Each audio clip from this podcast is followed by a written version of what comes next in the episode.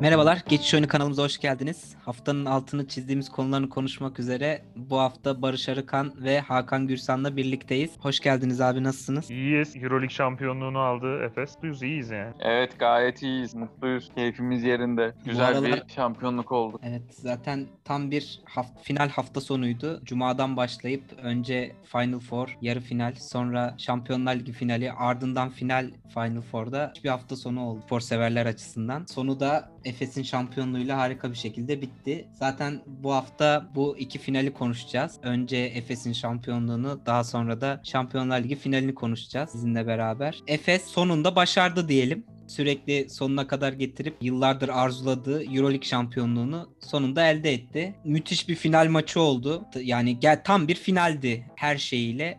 Adına Gergin- yakışan bir final oldu diyorsun. Mücadele aynen kan ter, gözyaşı her şey de vardı bir taraftan da. Adına da yakıştı dediğin gibi Barış. Senle başlayalım o zaman Barış. E, maçtan aklında neler kaldı? Vallahi- Bugüne günü konuşuyor olacağız şimdi. Bir gün sonra neler hatırlıyorsun? Bir öyle başlayalım. Vallahi ben 25 senedir bekliyordum bu şampiyonluğu. Ki 31 yaşında olduğum düşünülürse iyi bir zaman. Yani şeyi demiştik biz Hakan'la ve Furkan abiyle. Yani Real Madrid'e o iki maçı o şekilde vermek faydalı olabilir diye aslında CSK maçında yarı finalde onu gördü Efes. Larkin çok kötüydü. O maçta da kötüydü. Ama finalde Larkin de çok katkı verdi. Hoca kazanmak için çok uğraştı ve karşılığını aldı. Ları Ve dün de girmezken... kötü başladı esasında yani Evet. Larkin'de maça. Ama doğru zaman. oynadı. Yani şutu girmiyordu. Potaya gitti. Faul aldı en sıkıştığı dönemde takımın. Hem rakibin oyuncu, rakip oyuncuları faul problemine soktu ki dün Brandon Davies mükemmel oynadı. Yani sahanın belki en iyi oyuncusuydu. İşte Larkin'le birlikte zaten en iyi oyuncusuydu. Yani Barcelona kazansa MVP olurdu rahatlıkla. Her şeyi yaptı. Üçlük de soktu ki son bir dakika kala bir tane kaçırdı sonunda da. Onu da soksa şampiyon yapacaktı belki Barcelona'yı. O Brandon Davies'in arada- çık- çıktığı dönemlerde faul problemiydi Larkin sayesinde. Yani Yasikevicius'un da dersine çok iyi çalıştığını söylemek lazım. Hani sokamamaktan ziyade Efes kısaları e, şut yani şut açısına bile gelemediler maçın ilk yarısında öyle söyleyelim. Çünkü Dayak e, yediler. değişerek savundu. Bir kere değişerek savundu. Hem dayak yediler hem de e, değişerek savundukları uzunlar sürekli kısaların topuna atak etti. Yani o driplingini bozarak hani şut ritmine gir- girmesini sağlamadılar. Ayakları da hızlı kısalar oldu. Uzun uzunları ol- kullanmaya çalıştı daha çok. İşte Brandon Davis, Klaver gibi. Yani eğer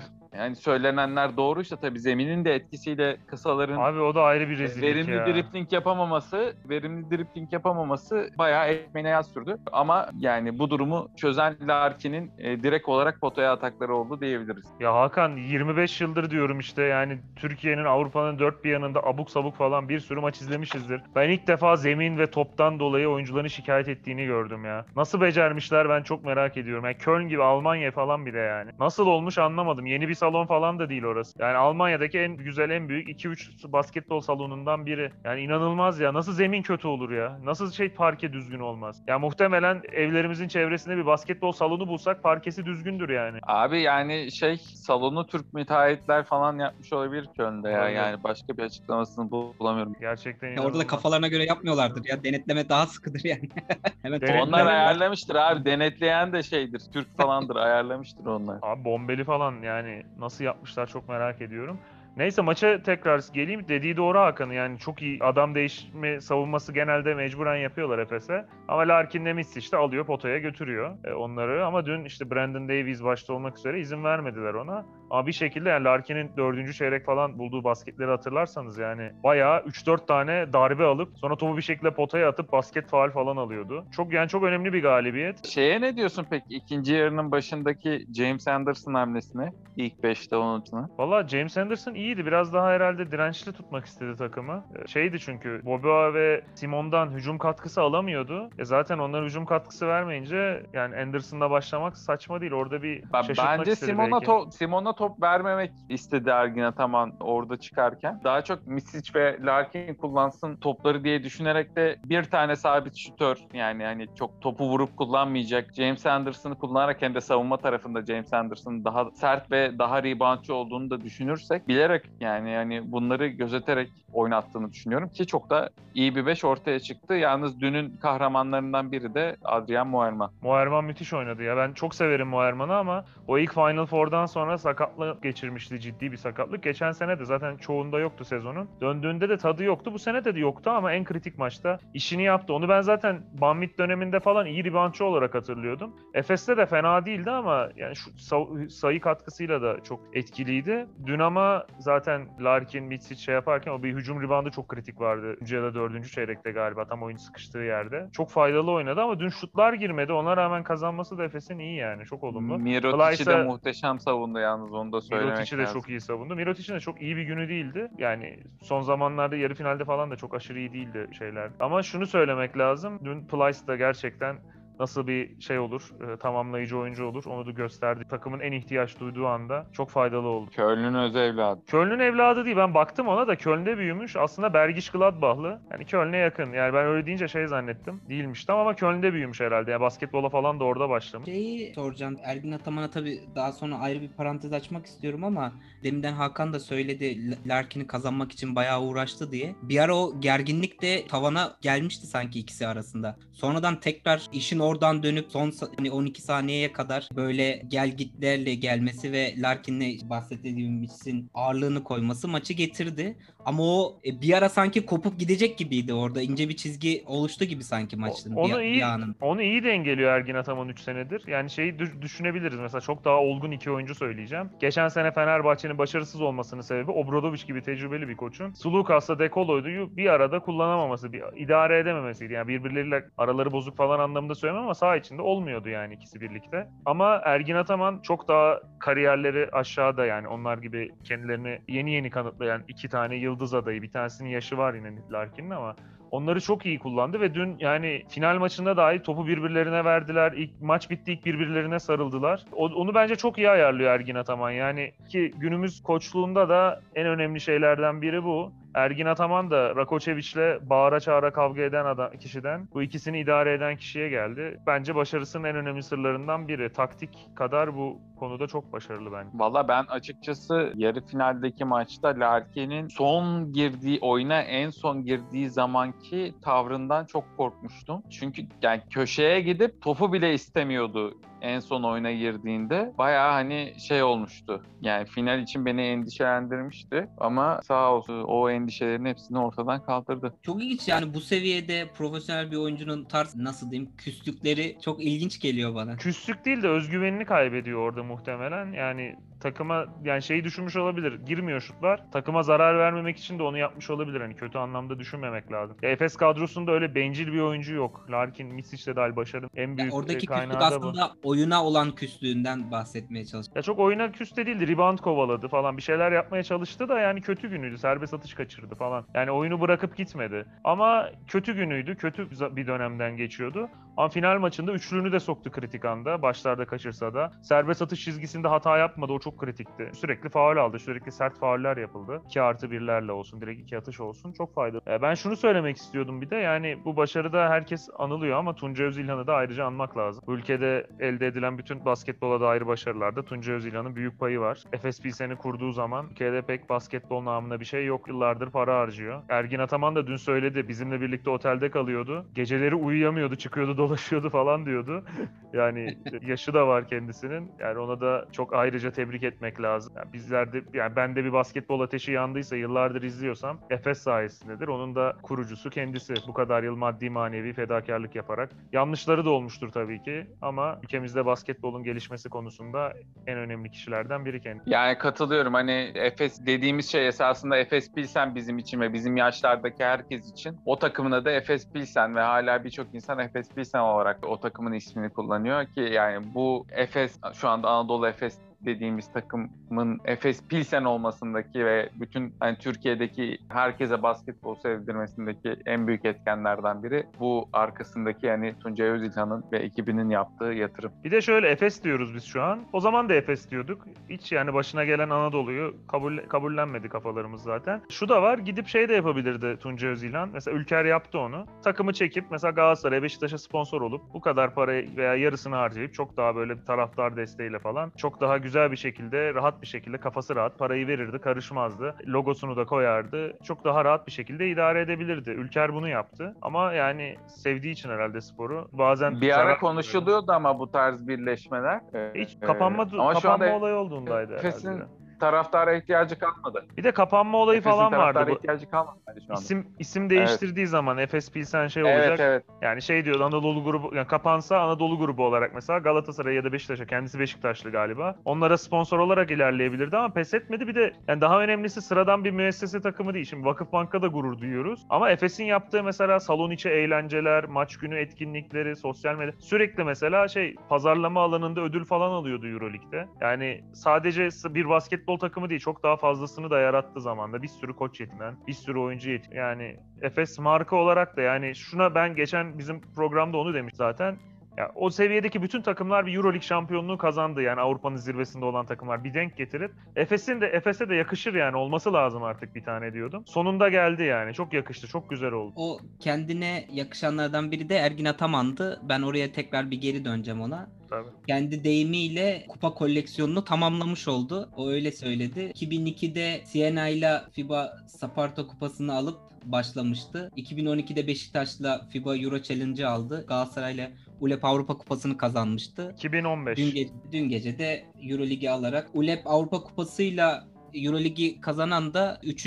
koç olmayı başardı. Dört İlk- farklı Avrupa Kupası kazandı ilk koç galiba yani bilmiyorsam. Yani kazanmadığı şu an sürekli FIBA kupa uydurduğu için FIBA Europe Cup'la şey var herhalde. Şa- FIBA Şampiyonlar Ligi var ki onları kazanmasa da olur. Ben bir de kısaca şeye değinelim isterim açıkçası. Sertaç Şanlı'ya yani rotasyon oyunculuğundan Final Four'da böyle kilit oyuncu olma yoluna doğru bir hikayesi var onun da. Türk sporcularının kendini geliştirmesi yönünde hep eksiği olduğu üzerine çok konuşuyoruz. Özellikle futbolda bunu çok bahsediyoruz bu konu üzerine. Ancak işte Beşiktaş, Trabzon, Uşak gibi kulüplerde oynayıp sonra Ef- Efes'le birlikte Final Four'da bir e, iz bırakmış olması onun adına da önemli diye düşünüyorum. Şöyle Gal- Ergin Ataman kaç abi. senedir Efes'te? Ergin Ataman'ın bu üçüncü sezonu tam bitirdi. Önceki sezon yarım sezon gelmişti. Ve aldığı takım ben de onu söyleyecektim. Euroleague sonuncusuydu. Sonuncu bitirmişti o sezonu Tamam. Efes. Biz Sertaç Şanlı'yı kaç senedir konuşuyoruz? Doğru düzgün veya görüyoruz oynarken. Şöyle Sertaç Şanlı Beşiktaş'ta da iyiydi. Beşiktaş'ta da Ergin Ataman almıştı. Orta mesafe şutunu falan gelişti. Sonra iki sene önce galiba yani ilk sezonda yoktu. Sonraki sezon kadroya kattı galiba Beşiktaş'tan. Yani 2-3 senedir var. Ki 91 doğumlu yaşı da 30. Yani söyle, soracaklarım bu kadar. Ee, yani Sertaç Şanlı'nın bugünkü yani geldiği yeri en çok ben Ergin Ataman'a bağlıyorum. Tabii kendi Kesinlikle. çalışması, yeteneği vesaire arkasında olmakla beraber herhangi bir başka koçta çalışsaydı başka bir sistemin oyuncusu olacaktı. Ama Ergin Ataman'ın sistemine o kadar uygun bir oyuncu ki Sertaç. Hem dış şut yeteneği olsun hem perde sonrası e,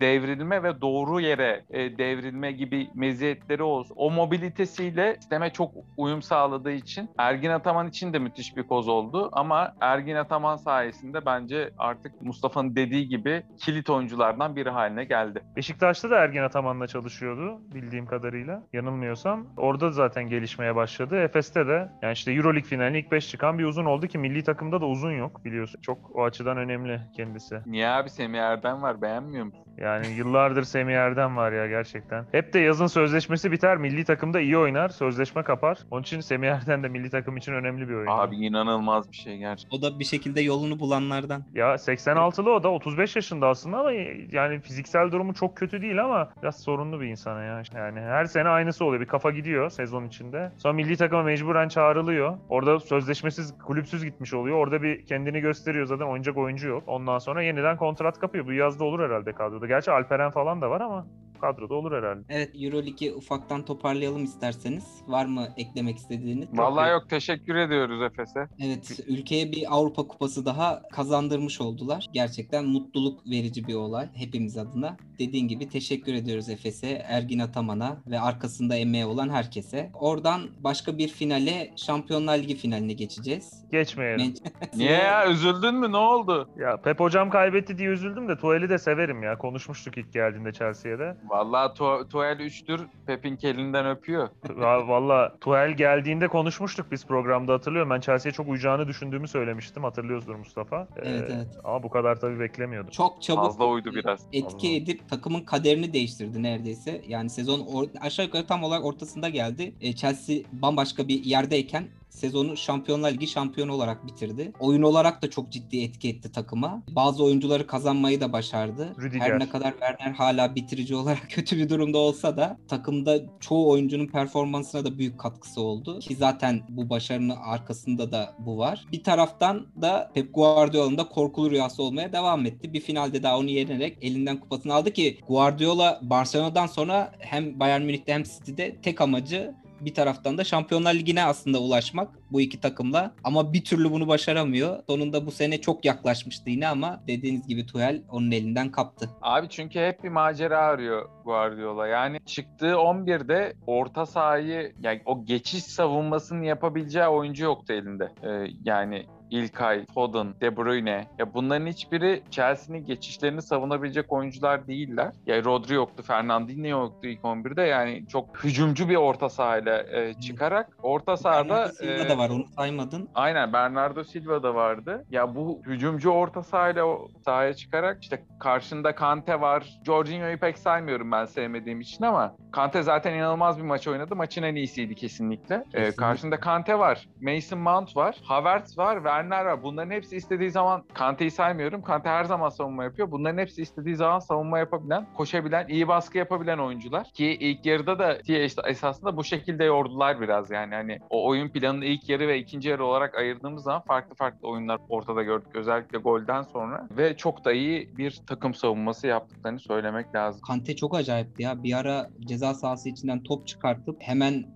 ceza sahasının önünde pas verip taç çizgisinde tekrar top, topa müdahale ederken yani birkaç saniye içinde görebiliyorduk. Her yerdeydi yani maçın sonuna kadar. Yani uzun zamandır hani Şampiyonlar Ligi finallerinde gördüğüm en iyi performans olabilir Kante'nin performansı. Ben de şunu söyleyecektim. O kadar iyi savunma yaptırdığı takım da yani Rüdiger, bir süre Thiago Silva'ydı ama çok bitik bir Thiago Silva. Sonrasında Christensen, Aspilicueta, kanatlarda işte Reece James falan. Yani çok da iyi bir kadro yok orada ya. Rüdiger yıllardır ta- Stuttgart'tan beri takip ediyorum. Hiçbir zaman böyle beni tatmin eden bir performans koymamıştı ortaya ama bu üçlü de iyi oldu. Bayağı iyi oturdu. Zaten Ama ilk yarıda bir müdahalesi var. Müthiş. yani çok iyi verim aldı. E, Şey söylemiştim ben geldiği zaman.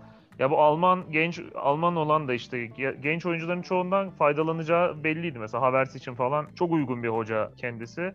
İşte Pulisic'le zaten Dortmund'dan tanışıyorlar. E, Werner'le de yani vardır mutlaka diyaloğu. Onları zaten bir şekilde değiştire değiştire iyi kullanıyor. E, şeyi de ben Dortmund Bayern maçlarında hatırlıyorum. E, Tuchel sezon başı planlamasını çok iyi yapmıştı Dortmund'la. Klopp'tan sonra gelmişti. Ama şey maçında bir Dortmund ma- şey Dortmund Bayern maçında bir üçlüye dönmüştü. İşte Bender'i falan geriye çekmişti Sven Bender'i. 5 yemişti Bayern'den. O Guardiola o zaman şeydi yani o zaman taktiği yapan yani şey daha şeyine sadık kalan Guardiola'ydı. E, Klopp şey, şey Tuchel uğraşıyordu değiştirmek için bazı şeyleri. Şimdi bugün ta- e, bu dünkü finalde tam tersi oldu. Yani Guardiola sisteminin çok dışına çıktı. Yani şeyle çıkmak çok saçma. Ortada bir tane böyle sabit biri olmadan o pas oyununu oynamak için de sağlam kesici biri olmadan o çok kapanacağı için daha incecilerle çıkmayı düşündü. İşte çabuk Mahrez'le Sterling'i iki tarafa atıp onların çabukluğundan faydalanmak istedi ama yani hiç olmadı. Abi şurada- hep bir şov var ya. Ben şuraya beki alayım. Bek orta saha gibi oynasın. İşte daha içeri girsin. Öbür bek oradan gitsin falan. İki tane stoperle kalayım. Bana yeter. Ben bu adamların önünü keserim bilmem ne falan. Hep böyle bir yani rakiplere üstten bakışla bakışçı bir düşünce hep de finalleri bu şekilde kaybediyor. Bence üstten bakış değil işte ya. Yani hep bir şey bence. Hep daha iyisini Ya yapayım kendini diye. zorluyor ya da neyse E, yani. kendini Hani zorluyor. Daha iyisini yapayım diye bir şey yok abi. Böyle bir şey olur mu yani? Yani Görülmüş şey City'ye değil baktığın çıktı. zaman son 4 aydır çok üstün değil mi? 3-4 aydır üstün. Oynadığı her maçta neredeyse üstün.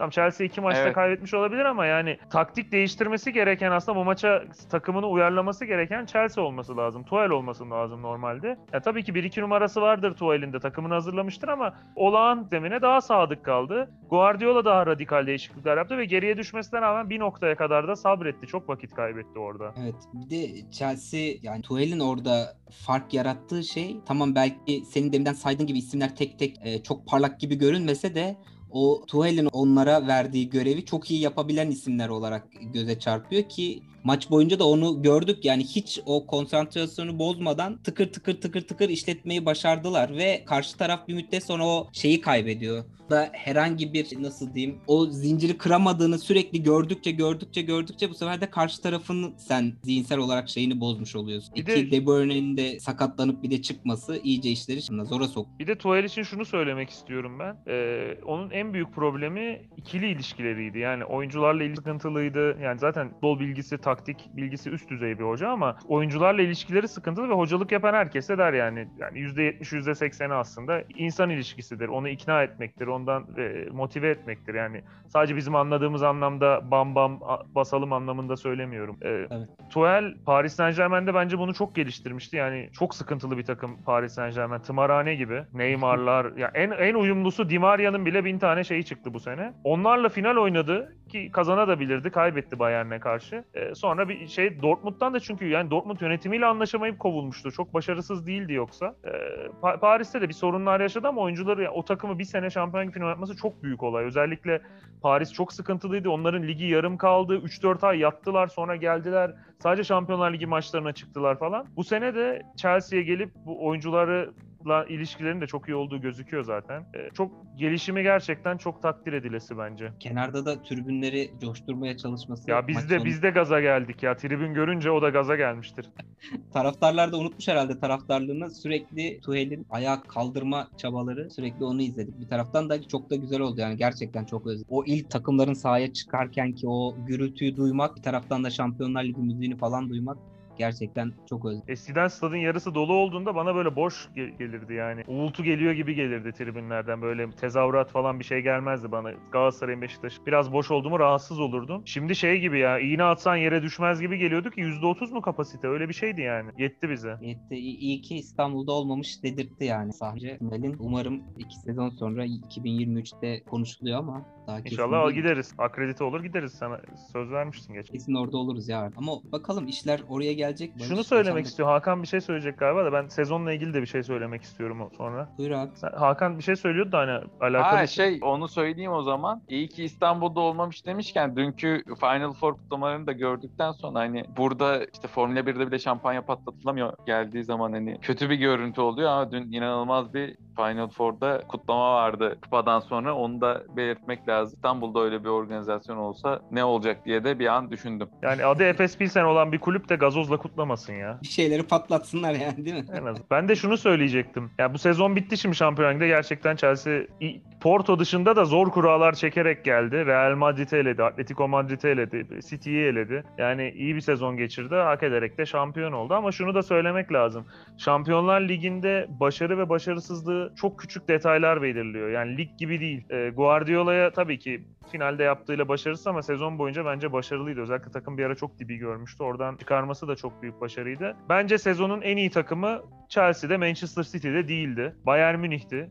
Ya benim izlediğim Paris Saint Germain maçı özellikle ilk maç kaybetmesine rağmen sezonun en iyi maçıydı. Ve yani iki Paris Saint Germain maçının birinde 15 dakika Lewandowski oynasaydı bence Bayern Münih Şampiyonlar Ligi'ni yine kazanır. Ya zaten sezonun tamamına baktığın zaman gerçekten kalite olarak, futbol kalitesi olarak o eşleşme gösteriliyor hep. Ki öyleydi de kalite olarak ama işte o ufak detaylar Lewandowski'nin olmaması ya da bu maçta Kante'nin Chelsea'de olmasıları bir takımın lehine getirirken diğerinin aleyhine oluyor. O ufak detaylar belirliyor her şey. Fazla değil 15 dakika istiyorum ben ya. 15 dakika girseydi böyle ayağı sargılı falan. Özellikle ilk maç iki tane falan atardı öyle bir maçtı yani. Yarım dakikada bir İğneyle pozisyon oldu. oynasaydı be kardeşim. İğneyle Ya oynasaydı ya. işte Avrupa Şampiyonası var, ligin sonu var. Oynayamadı herhalde. Gerd Müller'in rekorunu falan kırdı sonra. Ya her sene Şampiyonlar Ligi şampiyonu olamıyorsun işte. Onu demek istiyorum. Bu tip şeyler, şampiyonalar ya iki maç dahi olsa çok küçük küçük detaylar belirliyor. Çok başarılı olsam bile işte mesela Bayern Münih'te bence Guardiola başarılıydı. İnsanlar başarısız oluyor. Tamam yani Şampiyonlar Ligi'nde hataları vardır. Ama gerçekten çok küçük detaylar belirledi. İşte bir penaltıyı kaçırdı mesela. Thomas Müller kaçırmıştı mesela Atletico Madrid maçında. Kaçırmasa finale çıkıp kazanacaktı muhtemelen. Yani çok küçük detaylar belirliyor bazı şeyleri. Onun için hani başarı ve başarısızlığı da iyi düşünmek lazım. Açıkçası en büyük keyfi de Şampiyonlar Ligi'nin bu aslında. Yani lig gibi değil. Lig usulü oynansa belki Bayern Münih 1-2 hafta önceden garantileyip şampiyon olacaktı. İşte Süper Lig'e de biraz gönderme. Avrupa Süper Ligi. Ya bu sezonki performanslara baktığımda City ile Bayern Münih çekişirdi. Bayern Münih bir 5-6 puanla şampiyon olurdu belki. Çok bir heyecan olmazdı. Ama Şampiyonlar Ligi olunca işte bir şey oluyor, bir eleniyor, gidiyor. Chelsea e, finalde bir taktik hatasından faydalanıp şampiyon yapabiliyor. Zaten keyfi de bu. Aynen Şey- katılıyorum ben de. Zaten böyle olması. Kante demişken deminden şey aklıma geldi. Kupa töreninde sevinç yaşarken arkada kalmış. Boyu da küçük ya. Ön tarafta hiçbir şey göremiyor. Kendi kendine zıplarken şey fark ediyor. Rüdiger. Kurt Zuma, kaldırıp- Kurt Zuma, Kurt Zuma. Rüdiger Ha, değil. Zuma mıydı? Pardon. Evet. Pardon.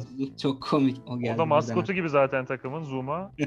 Yani Bu arada demiş. şunu da söylemek istiyorum. Belli yani tipinden de. Şunu da söylemek istiyorum. Mali ile gitmiştik Süper Kupa finaline Liverpool Chelsea. Ee, o, o gün sahaya çıkan Chelsea'de transfer yasağı vardı ve hoca Lampard'tı. Gerçekten bu başarıyla ilgili sezon ortasına ayrıldı ama onun da çok büyük payı var. Bu takımın iskeletini kuran, yoktan genç oyunculardan bir yapı kuran oydu. Tamam sene başında olmadı bir şekilde. Ee, ama transferleri yapan da oydu. Havertz'i, Werner'i. Ziyeh pek olmadı ama onları yapan da oydu. Onun için başarıda onun da çok büyük katkısı var. Yani uyumsuz, darma duman bir takım alsaydı Tuchel belki de yapa- yani muhtemelen başaramazdı. Mason Mount'lar falan hep onun eseri. İşte Evet İyi- arkasında fırtınalar koparan bir takım bırakmadı en azından Lampard. Hani enkaz devralmadı Tuchel alırken. O açıdan Barış'a katılıyorum ben de. Bir de şey var hep deriz ya işte teknik direktör değişikliği hep eleştirilir. Türkiye'de zaten e, şey gibi olduğu için o iş. Ama burada o kadar zamanında ve şey bir değişiklik yapıldı ki Chelsea yönetimi de kutlamak lazım. O sportif kararı alan kişiyi tam zamanında doğru isme direkt takımı devretmeyi de başardılar. E oradan da bu sonuç geldi. Orada bir Yani- hassaslık var. Bizde mesela kan değişikliği deniyor. İki maç kaybediyorlar. Kan değişikliği aslında öyle değil. Yani eğer bir yapı kuruyorsa hoca ve hani bir şeyler oluşturmaya çalışıyorsa, filizlenen bir şeyler görüyorsan gerekirse sezonu feda edip sabretmek lazım. Ama yani artık hoca ile oyuncular arasındaki ilişkiler kopmuş. Takımın ne yaptığı belli değil. Yani arada bir fark var. O ikisi arasında bir fark var.